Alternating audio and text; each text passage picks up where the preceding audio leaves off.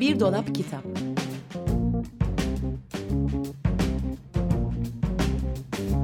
Her yaş için çocuk kitabı. Hazırlayan ve sunanlar Banu Aksoy ve Yıldıray Karakiye.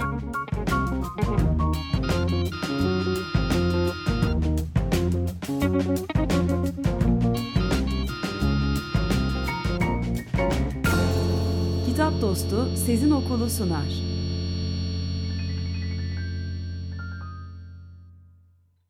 Günaydın Bir Dolap Kitabı hoş geldiniz. Günaydın Çocuk Kitapları programı Bir Dolap Kitap başladı. Ee, benim anlatacağım kitabın adı Şair Kısa Kulak. Eva Furnari tarafından e, yazılmış bu kitap ve Türkçe'ye Nazlı Gürkaş tarafından e, kazandırılmış Tudem yayınları aracılığıyla. E, Resimler de galiba Eva Furnari'ye evet ait. yazan ve resimleyen Eva Furnari. Eva Furnari Türkçe'de ilk defa e, bir kitapla hani karşımızda. E, 48 doğumlu bir yazar işte İtalyan aslında Roma'da doğmuş ama sonra Brezilya'ya taşınmış ailesi 2 yaşındayken ve Sao Paulo'da işte mimarlık eğitimi almış vesaire. Ee, 1980'den sonra da 60'tan fazla çocuk kitabı yazıp resimlemiş ama biz ilk defa e, kendisiyle Türkçe'de tanışmış oluyoruz. Ee, ödüllü bir yazar. Ee, hakkında aslında eğer merakınız varsa yazarlar kimdir diye internette tabii e, hani Türkçe değil videolar ama e, çok güzel böyle sati çalan fonunda çok güzel çizerken görebileceğiniz e, videoları da var. E, kitaptan bahsedeyim hemen. E, şair Kısa Kulak 88. Çukur, Çukur Yabangülü Sokağı Hızlı Koşanlar Köy'de e, yaşayan bir tavşan. Yalnız yaşayan bir tavşan. E, bu hani giriş bölümünde ondan bahsederken hiç ziyaretçi kabul etmezdi. Hiç arkadaşı yoktu. Hiç kimseyle sohbet etmek istemezdi diye bir cümle var mesela. Yani böyle bir e, tavşan. Ama Şinörke hatırlattı bana. Evet, ama herkes buna alışık. Evet. Şnorke benziyor bu, bu açıdan. E, çünkü o bir şair. Hani şeyler vardır ya bu, bu da bana çok anlamlı geldi. Yani genelde hani ne bileyim bir yazma atölyesine falan gitsen de sana sorsalar yazar kafandaki yazar tipini hani anlat yaz diye. Hani genelde şöyle bir sonuç çıkabiliyor yani işte yalnız başına duran işte bohem işte savruk dalgın falan hani hep böyle şeyler söylenir ya bu da öyle bir tip. E, halbuki gerçekten de öyleler mi diye bir soru var. O da ayrı. E, işte ünlü yazar ve şair Kısa Kulak kahramanımız. E, Kısa Kulak'ın e, ilginç bir hikayesi var. İşte bir ot- otobiyografisini yazmak istiyor bir gün ve biz de oradan öğreniyoruz. Otobiyografisine işte çocuklukla başlıyor. E, adı Kısa Kulak. E, çünkü gerçekten de kulaklarından biri diğerinden daha kısa ve çocukluğu boyunca bu yüzden çok çekmiş. Hani bir öteki oluyorsun ya. E, farklılığın yüzünden. Sınıf arkadaşları hep alay etmiş falan. Daha da kötüsü e, kulağını e, uzatmak için mükemmel kulak uzatıcı adlı araçtan yararlanmaya çalışmış. 5 yıl boyunca kafana takman gereken böyle çok garip bir alet. Yani hani kafanı içine e, ya çok garip bir alet yani ve uyarı bölümünde şey yazıyor. Kullanıcı aparatla arkadaşlarını incitme riski bulunduğundan futbol kovalamacı ya da saklambaç oynamamaları tavsiye edilir. Yani kö- okuyamadım da. Kötü bir okudum ama- çocukluk geçirmiş. Ya evet hani zaten kafanda böyle tuhaf bir kutuyla sağ İyice öteki oldu. Tabii yani yani bayağı Hiç acımazlar. beter durum. Ee, bu arada burada bir şey kullanım kılavuzu görüyoruz bu sayfada. Yani çekmecesinden çıkartıyor. Hatıraları arasında yer alan bir şey olduğu için hani travmasının belki de hani temsili olarak burada kullanım kılavuzu olarak görüyoruz bunu. Ee, ondan önceki sayfada da çocukluk başlıklı bir yazdığı bir sayfayı görüyoruz. Derken kapı çalıyor o sırada hani bu bunlarla uğraşırken Ee, bir sürü mektup geliyor. Hayranlarından her zaman yüzlerce mektup alan bir e, yazar, şair kısa kulak. Ama onların hepsini at- böyle atıyor. Çöpe atıyor yani bir kutuya atıyor falan. Okumuyor asla onları. Fakat bu sefer gelen mektuplardan bir tanesi mor zarflı böyle işte e, ipek bir kurdeleyle bağlanmış falan. Bir şekilde ilgisi, ilgisini çekiyor ve açıp okumaya başlıyor. Bu da Hızlı Koşanlar Köy'den gönderilmiş e, bir şey. Şirin Koşar Adım tarafından gönderilmiş. E, şair kısa kulağa diyor ki e, işte benim adım Şirin size hayranım vesaire ama siz niye bu kadar karamsarsınız yani bu kadar karamsar olmanızdan ben de artık rahatsızım falan diyor. Yani işte Allah'ım ne kadar korkunç bir sona yazdınız falan diye bir öyküsünü burada bir hikayesini Ters Prenses adlı hikayesini e, alıntılamış. Sonra da onu diyor ki bence sonu bu şekilde olmalı diye bir de müdahale etmiş. Tabii e, kısa kulak mektubu okumayı bitirdikten sonra böyle sağ kulağa seyirmeye başlıyor. Kısa olan kulağa. Sağ kulağa seyirdiği zaman zaten hani üzüldüğü zaman, sinirlendiği zaman falan olan bir şey bu. hiç de eleştirilmeye alışık birisi de değil. Çok öfkeleniyor, buruşturup mektubu atıyor ama burada çok güzel bir laf var. Bunu da okumak zorundayım. Mektup çöpe gitse de içeriği çöpte değildi. Tabii girdi bir kere zihnine. Gir- evet yani. Ee, bu arada kitap kapaklarını görüyoruz. Pörsümüş havuç. Kızarmış gözler. Şanssız tavşanın patisi. Burada bu kitap kapağında raptiye batmış bir tavşan patisi görüyoruz mesela. İşte parmaklıklar ardındaki sebze bahçesi diye. Böyle ve yani diyor ki acaba ben gerçekten karamsar mıyım diye düşünmeye başlıyor. Acaba mı? Evet. ve- Fakat yanıtlamıyor mektubu. Hani alıp çöpten geri alıyor ama yanıtlamıyor. Fakat tekrar bir mektup geliyor. Bu sefer de bir şiirini bu arada şiirleri de görüyoruz.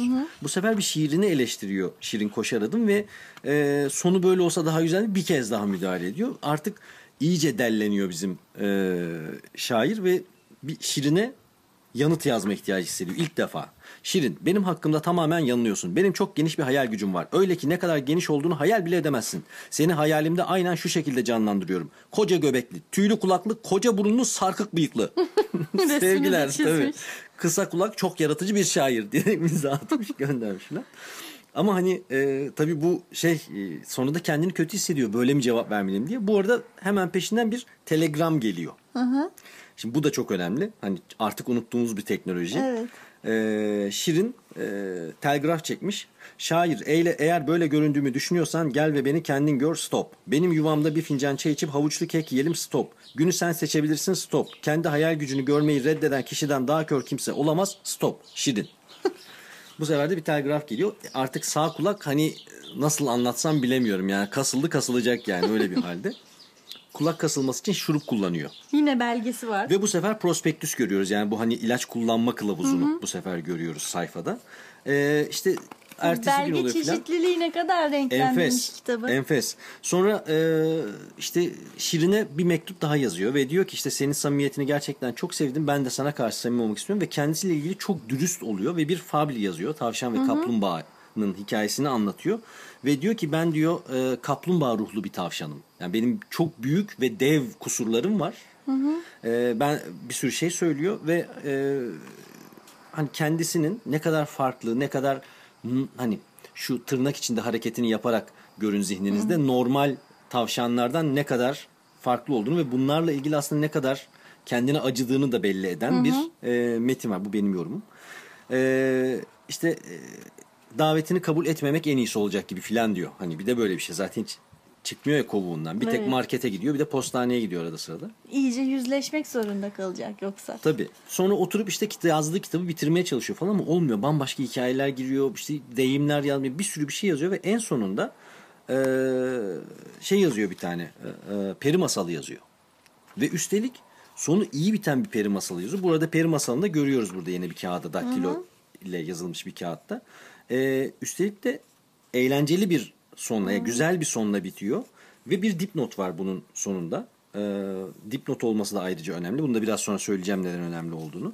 Sonra işte e, o kadar eğleniyor ki e, bu işte bu arada şeyden e, Şirin'den tekrar mektup geliyor. İşte tekrar yazışıyorlar. E, bu, bu işte yemek daveti oluyor vesaire. Hani aralarında bir mektup arkadaşlığı başlıyor. Fakat e, kısa kulak yazdıklarını unuttuğunu, yazmayı unuttuğu şeyler olduğunu fark edip mesela liste yapıyor. Liste görüyoruz. Ondan sonra bir kartpostal geliyor Şirin'den. E, kartpostalda şöyle yazıyor. Yağmurda ıslanmış kartpostal yazanlar şöyle. Sevgili kısa kulak, gel, yuttum, piyano, yardım, Şirin. Ve kısa kulak Şirin'in bir piyano yuttuğunu zannederek hani koşuyor işte oraya gidiyor ve burada şahane bir sahne var. Kısa kulak Şirin o Şirin'in muymuş? evine dalı veriyor. O sırada Şirin de buluşacakları için hani birlikte bir şeyler yiyip içecekleri için işte ağda yapıyor. Kulakları işte tüylerini boyuyor falan. Onu o şekilde görüyoruz. Böyle bacağında yeşil şeyler yapışık böyle. işte hani ve e, ilk karşılaşmaları böyle oluyor. Ee, kısa kulağın yanlış anlaş, anlaması sonucu. Sonra işte birlikte çok güzel vakitler geçiriyorlar. Birlikte bir şarkı yazıyorlar notalarıyla beraber onu görüyoruz. Ve evleniyorlar. Yani oraya kadar gidiyor konu. Fakat kitap burada bitmiyor. Çünkü Evet, kitapta bayağı- ondan sonra bir PS bölümü var. Post scriptum. Ee, post scriptum bölümüyle başlıyoruz hani şey gibi yani e, işte zeyil deniyor galiba bilmiyorum Türkçe böyle bir laf var hani bir kitap bittikten sonra eklenen bölüm hani onun sonunun anlamlı bir e, bölüm e, kitapla ilgili. E, işte bu post scriptum boyunca da mesela otobiyografi ne demek? Çünkü bir otobiyografi örneği gördük. Fable ne demek? peri masalı nedir? Atasözleri ve öz sözleri ama çok tatlı sunumları var. Bunlar çok eğlenceli ve çok güzel. Yani burası ders kitabı gibi değil. Hani böyle sonrasındaki etkinlik bölümü gibi değil bazı kitaplar. Öyle bir şey değil. Son derece eğlenceli sunumları var. Ee, işte şarkı nedir, şiir nedir, mektup nedir, tel- telegram, kartpostal bütün bunlardan bahsediyor. Hasta bilgilendirme kağıdı, prospektüs falan. Ve e, kitap bütün bunları sunduktan sonra yazarın notuyla bitiyor. İşte mesela e, diyor ki ben diyor bu kitap için 82 farklı taslak hazırladım diyor. 82 ne farklı kadar taslak. büyük emek. Müthiş ama sonuç bu. Evet. Enfes bir sonuç yani.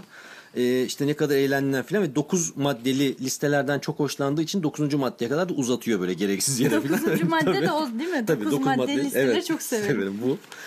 Ee, çok şahane bir kitap. Kitabın çok önemli birkaç özelliği var. Hani hemen bunları söylemem gerekiyor. Bir kere resimleri çok güzel. Yani e, illüstrasyonlar enfes. Çok güzel anlatıyor kitabı. İllüstrasyonları ödül almış zaten kitabın. Metni çok güzel. E, fakat şu çok güzel. Kitap bir aşk hikayesi. Aslında anlatıyor. Bir kere bu çok güzel. Kendini kabullenme, kendini sevme, e, kendinle yüzleşme, eleştiriyi kabullenme, eleştiri yapma, eleştiri yapma yöntemi. Eleştiriyi kabul edip kendini Ka- yenileyip evet kendini şey değiştirmek, deneme. yenilemek, işte güvenli alanından çıkıp hayata adım atmak, maceraya atılmak, Ne çok işte şey var. Hayatının aşkıyla karşılaşmak. Hani inanılmaz bir sürü şey var. Yani kitap o kadar uzun değil bu arada. Evet. Ee, ve bunun yanında işte birçok farklı metin türüyle karşılaşıyoruz işte. Fabrdan e, prospektüse, telgraftan işte e, kartpostala kadar bir sürü farklı yazı türüyle, hikayeyle, şiirle, şarkıyla karşılaşıyoruz. Yani daha ne diyeyim bilmiyorum. Yani alıp okumamak büyük hata olur. Şair Kısa Kulak, Eva Furnari tarafından yazılmış. Tudem yayınlarından çıktı e, bu kitap ve bunu armağan edeceğiz. E, kitabın çevirmeni de tekrar söyleyeyim. Nazlı Gürkaş tarafından e, çevrilmiş Türkçe. Çok güzelmiş. Kitabı armağan edeceğiz. Bir dolapkitap.com'da band kaydını yayınladığımızda yorum bırakarak çekilişe katılabilirsiniz. Bir kişi kitabı kazanacak. Bir şarkı Evet. arası verecek miyiz? Ee, şarkı arası için vaktimiz yok. İkinci kitabımızla devam edelim. Tamam. Açık Radyo. Hangi kitapla devam ediyoruz? Bu, bu nereye gidiyorsun? Can Çocuk'tan çıkan, yakın zamanda çıkan bir kitap bu. Roberto Piumini'nin yazıp Anna Kurten'in resimlediği kitabı Bahar Ulukan Türkçe'ye çevirmiş. Ee, ilk okuma kitaplarından çıktı. Üç tane öykü var içinde. Üç kısa öykü. Ee, Beyhan İslam, Reggio Emilia eğitmeninden e, pek çok defa Reggio Emilia ile ilgili şeyler dinlemiştim. Ee, hani çocukların kendi kendilerine keşfetmelerine, e, sorular sorarak sor, yeni sorulardan yeni bir şeyler keşfetmelerine olanak sağlayan bir eğitim Evet. sistemi. Çok kabaca. Öğretmek değil de ortam hazırlamak Evet. üzerine kurulu daha çok. Bu kitabı okuyunca e, doğrudan acaba Roberto Piumini'nin e, Reggio Emilia ile bir Hmm. ilişkisi var mı diye düşündüm. E, çünkü ayıcığın ım, keşifleri, keşf, keşfettiği şeyler e, bana bunu hatır, çağrıştırdı. Keşfetme yöntemi de yolu da galiba Evet. herhalde. Ee, Bobo annesi ve babasıyla birlikte e, bir mağarada yaşıyor. Ormanın kıyısında bir mağarada. E, Bir te- e, tepenin yamacında e, az ışık alan gölgeli bir mağarada. E, kahverengi bir ayıcık bazen kar yağdığında beyaz bir ayıcık oluyor. Çamurda yuvarlanınca siyah bir ayıcık oluyor. Karlar eridiğinde ya da üstüne başına bulaşan çamur kuruyup döküldüğünde de aslında kahverengi olduğunu herkes görüyor ama diğer ayılardan birazcık daha kızılımsı ve kıvırcık tüyleri var.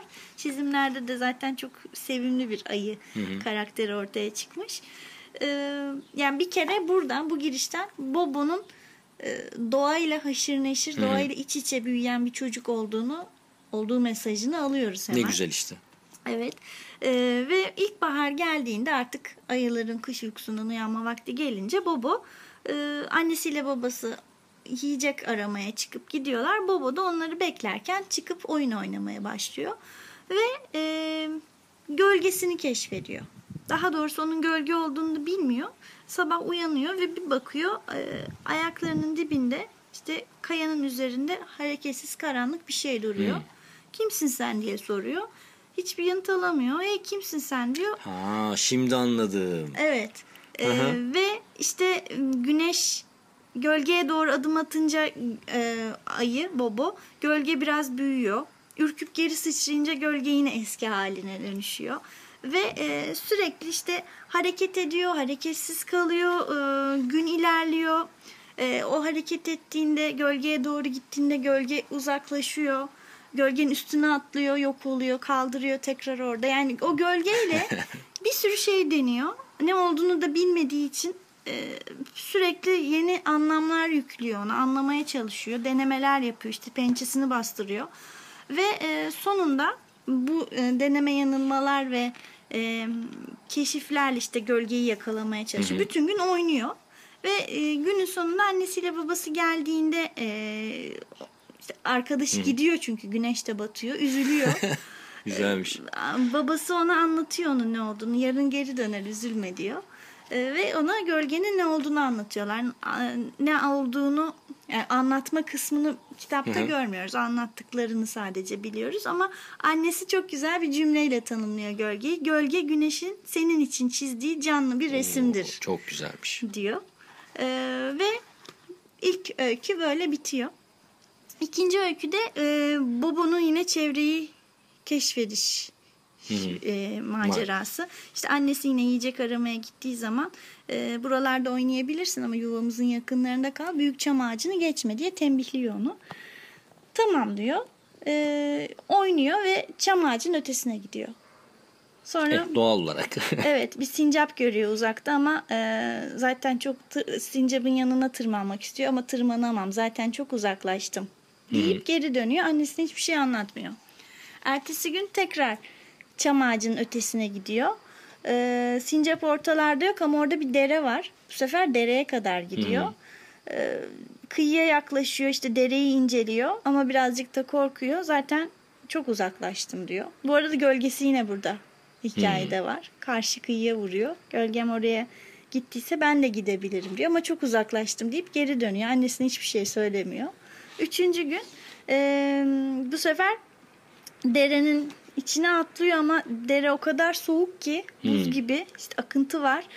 E, yani güç bela çıkıp dönüyor eve ama nefes nefese donuyor, hapşırmaya başlıyor. Ve annesi geldiğinde işte onu bu halde görünce birinci gün ne yaptığını, ikinci gün ne yaptığını ve bugün ne yaptığını tek tek anlatıyor. Ee, annesi bir şey demiyor onu dinliyor ve ertesi gün onu e, götürüyor. Bugün farklı bir şey yapacağız seninle diyor ve dere kenarına gidiyorlar. Annesi derenin içine fırlatıp atıyor bunu.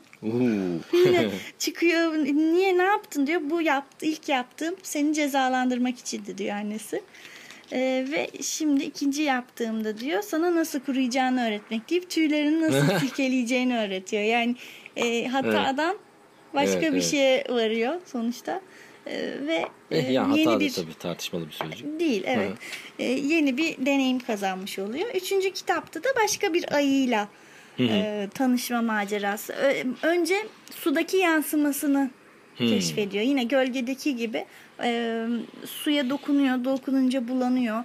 İşte suyun içinde gökyüzünü görüyor, bulutları görüyor ama onların orada değil yukarıda olduklarını biliyor. E, onların niye orada göründüğünü anlamaya çalışıyor. E, kendi yaklaşınca suda yaklaşan görüntüyü inceliyor ve sonunda e, bunun gölge gibi bir şey olduğunu ama suyun içinde başka bir ayıcık olmadığı için de bunun kendi görüntüsü olduğunu kendi kendine keşfediyor. Ama sonra bir gün karşıdan kendisine benzeyen ama benzemeyen de başka birini görüyor. Acaba bu, bu da yansıma mı diyor ama ha- belki havadayken yansıma böyle görünüyordur diyor. Elini kaldırıyor. Karşıdaki de elini kaldırıyor ama diğer elini kaldırıyor. Belki havadayken yansımalar böyle yer değiştiriyordur diyor. Karşılıklı böyle bir şeyler yaptıktan sonra onun da başka bir küçük ayı olduğunu e, anlıyoruz. Onlar da anlıyorlar işte. Ve bir arkadaşlık hikayesi anlatılıyor burada da. E, Çok kaba taslak anlattım ama çok güzel üç öykü. Evet, çok tatlı üç öykü. Çok Şimdi görselleri keyifli. çok güzel. Resimleri çok güzel. E, arada böyle çok e, desenler, çok nakış gibi desenler var. Özellikle çiçek motiflerini çok sevdim. Zaten ayı Bobo çok sevimli çizilmiş. E, ilk okuma için gerçekten zaten öyle o seriden çıkmış. Çok uygun bir kitap ama okumayı bilmeyen daha küçük çocuklar Yani için resimli kısa kitap kısa, neredeyse, evet. Evet kısa kısa e, Üç üçer, günde okursun evet, yani. Üç günde okunabilecek güzel öyküler. Ben çok keyifle okudum. Bir de böyle keşfetmeye e, yönlendirdiği için, hani keşif yapmaya açık olduğu için de daha da güzel oldu benim için. Okuması daha keyifli oldu. Evet, çok güzel bir Bobo kitapmış. nereye gidiyorsun? Roberto Piumini'nin yazıp Anna Curti'nin resimlediği Bahar Uluka'nın Türkçe'ye çevirdiği kitap Can Çocuk'tan çıktı. Evet şimdi e, Taygalı bölümümüze e, geçelim. Evet. E, Tayga bugün hangi kitabı okuyalım da baş başa bırakıyoruz sizi. Açık Radyo. Açık Radyo. Tayga bugün hangi kitabı okuyalım? Arkadaşım itfaiyeci kitabını seçtim yani. Arkadaşım itfaiyeci tamam. Ne anlatıyor bu kitap? İtfaiye kamyonları. İtfaiye kamyonlarını baş, başka? Ee, burada sirenler var. Burada siren ışıkları. Burada da siren ışıkları. Hı hı. Burada merdiven var galiba. Aha o bir merdiven ama o galiba kısa bir merdiven. Bak diğer kamyonun üstündeki merdiven nasıl? Daha uzun. Hı, vinç gibi değil mi o kalkıyor? Biz hatırlıyor musun bir tane kamyon görmüştük. O kamyonda neler vardı hatırlıyor musun?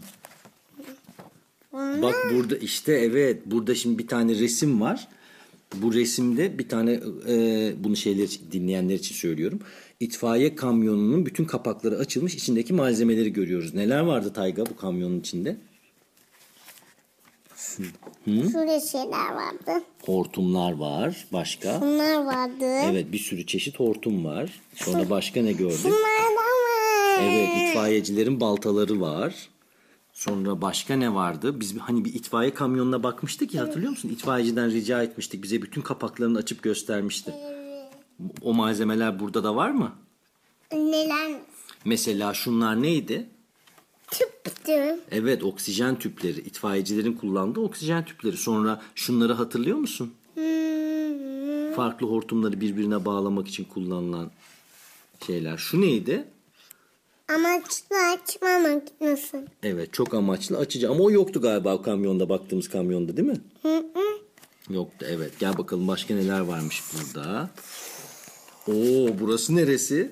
Kabin. Evet kamyonun kabini neler var burada Tayga? Ama burada niye pencere yok?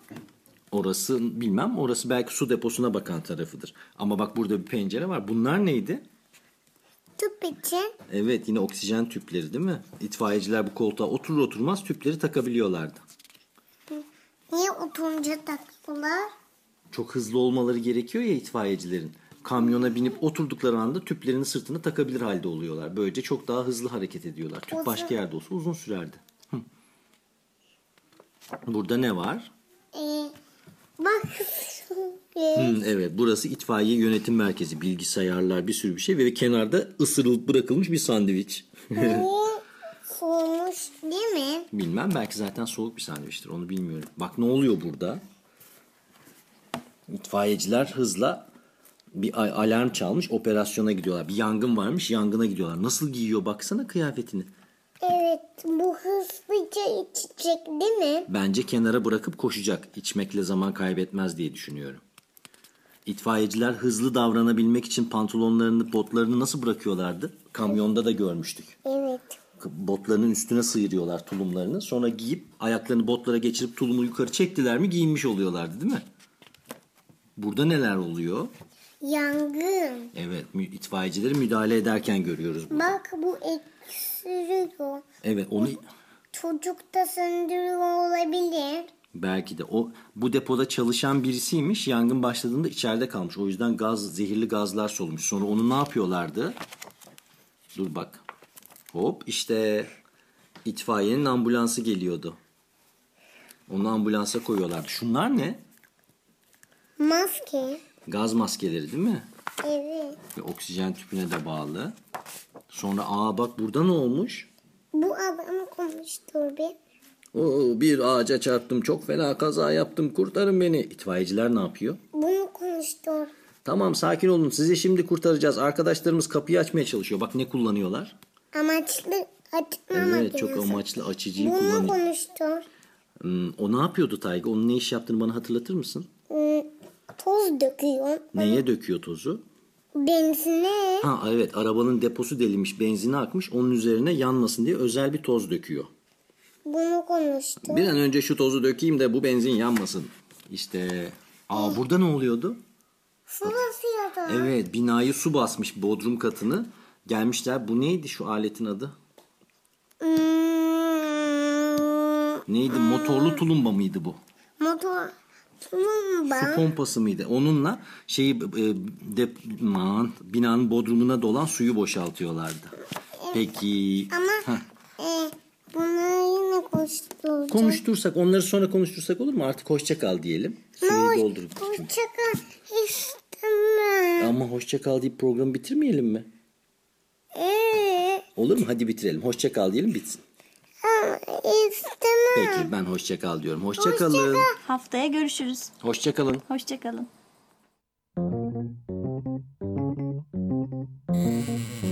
Bir dolap kitap.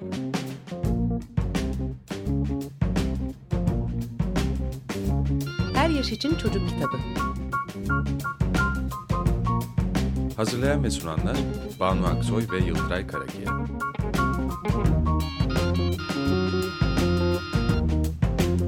Kitap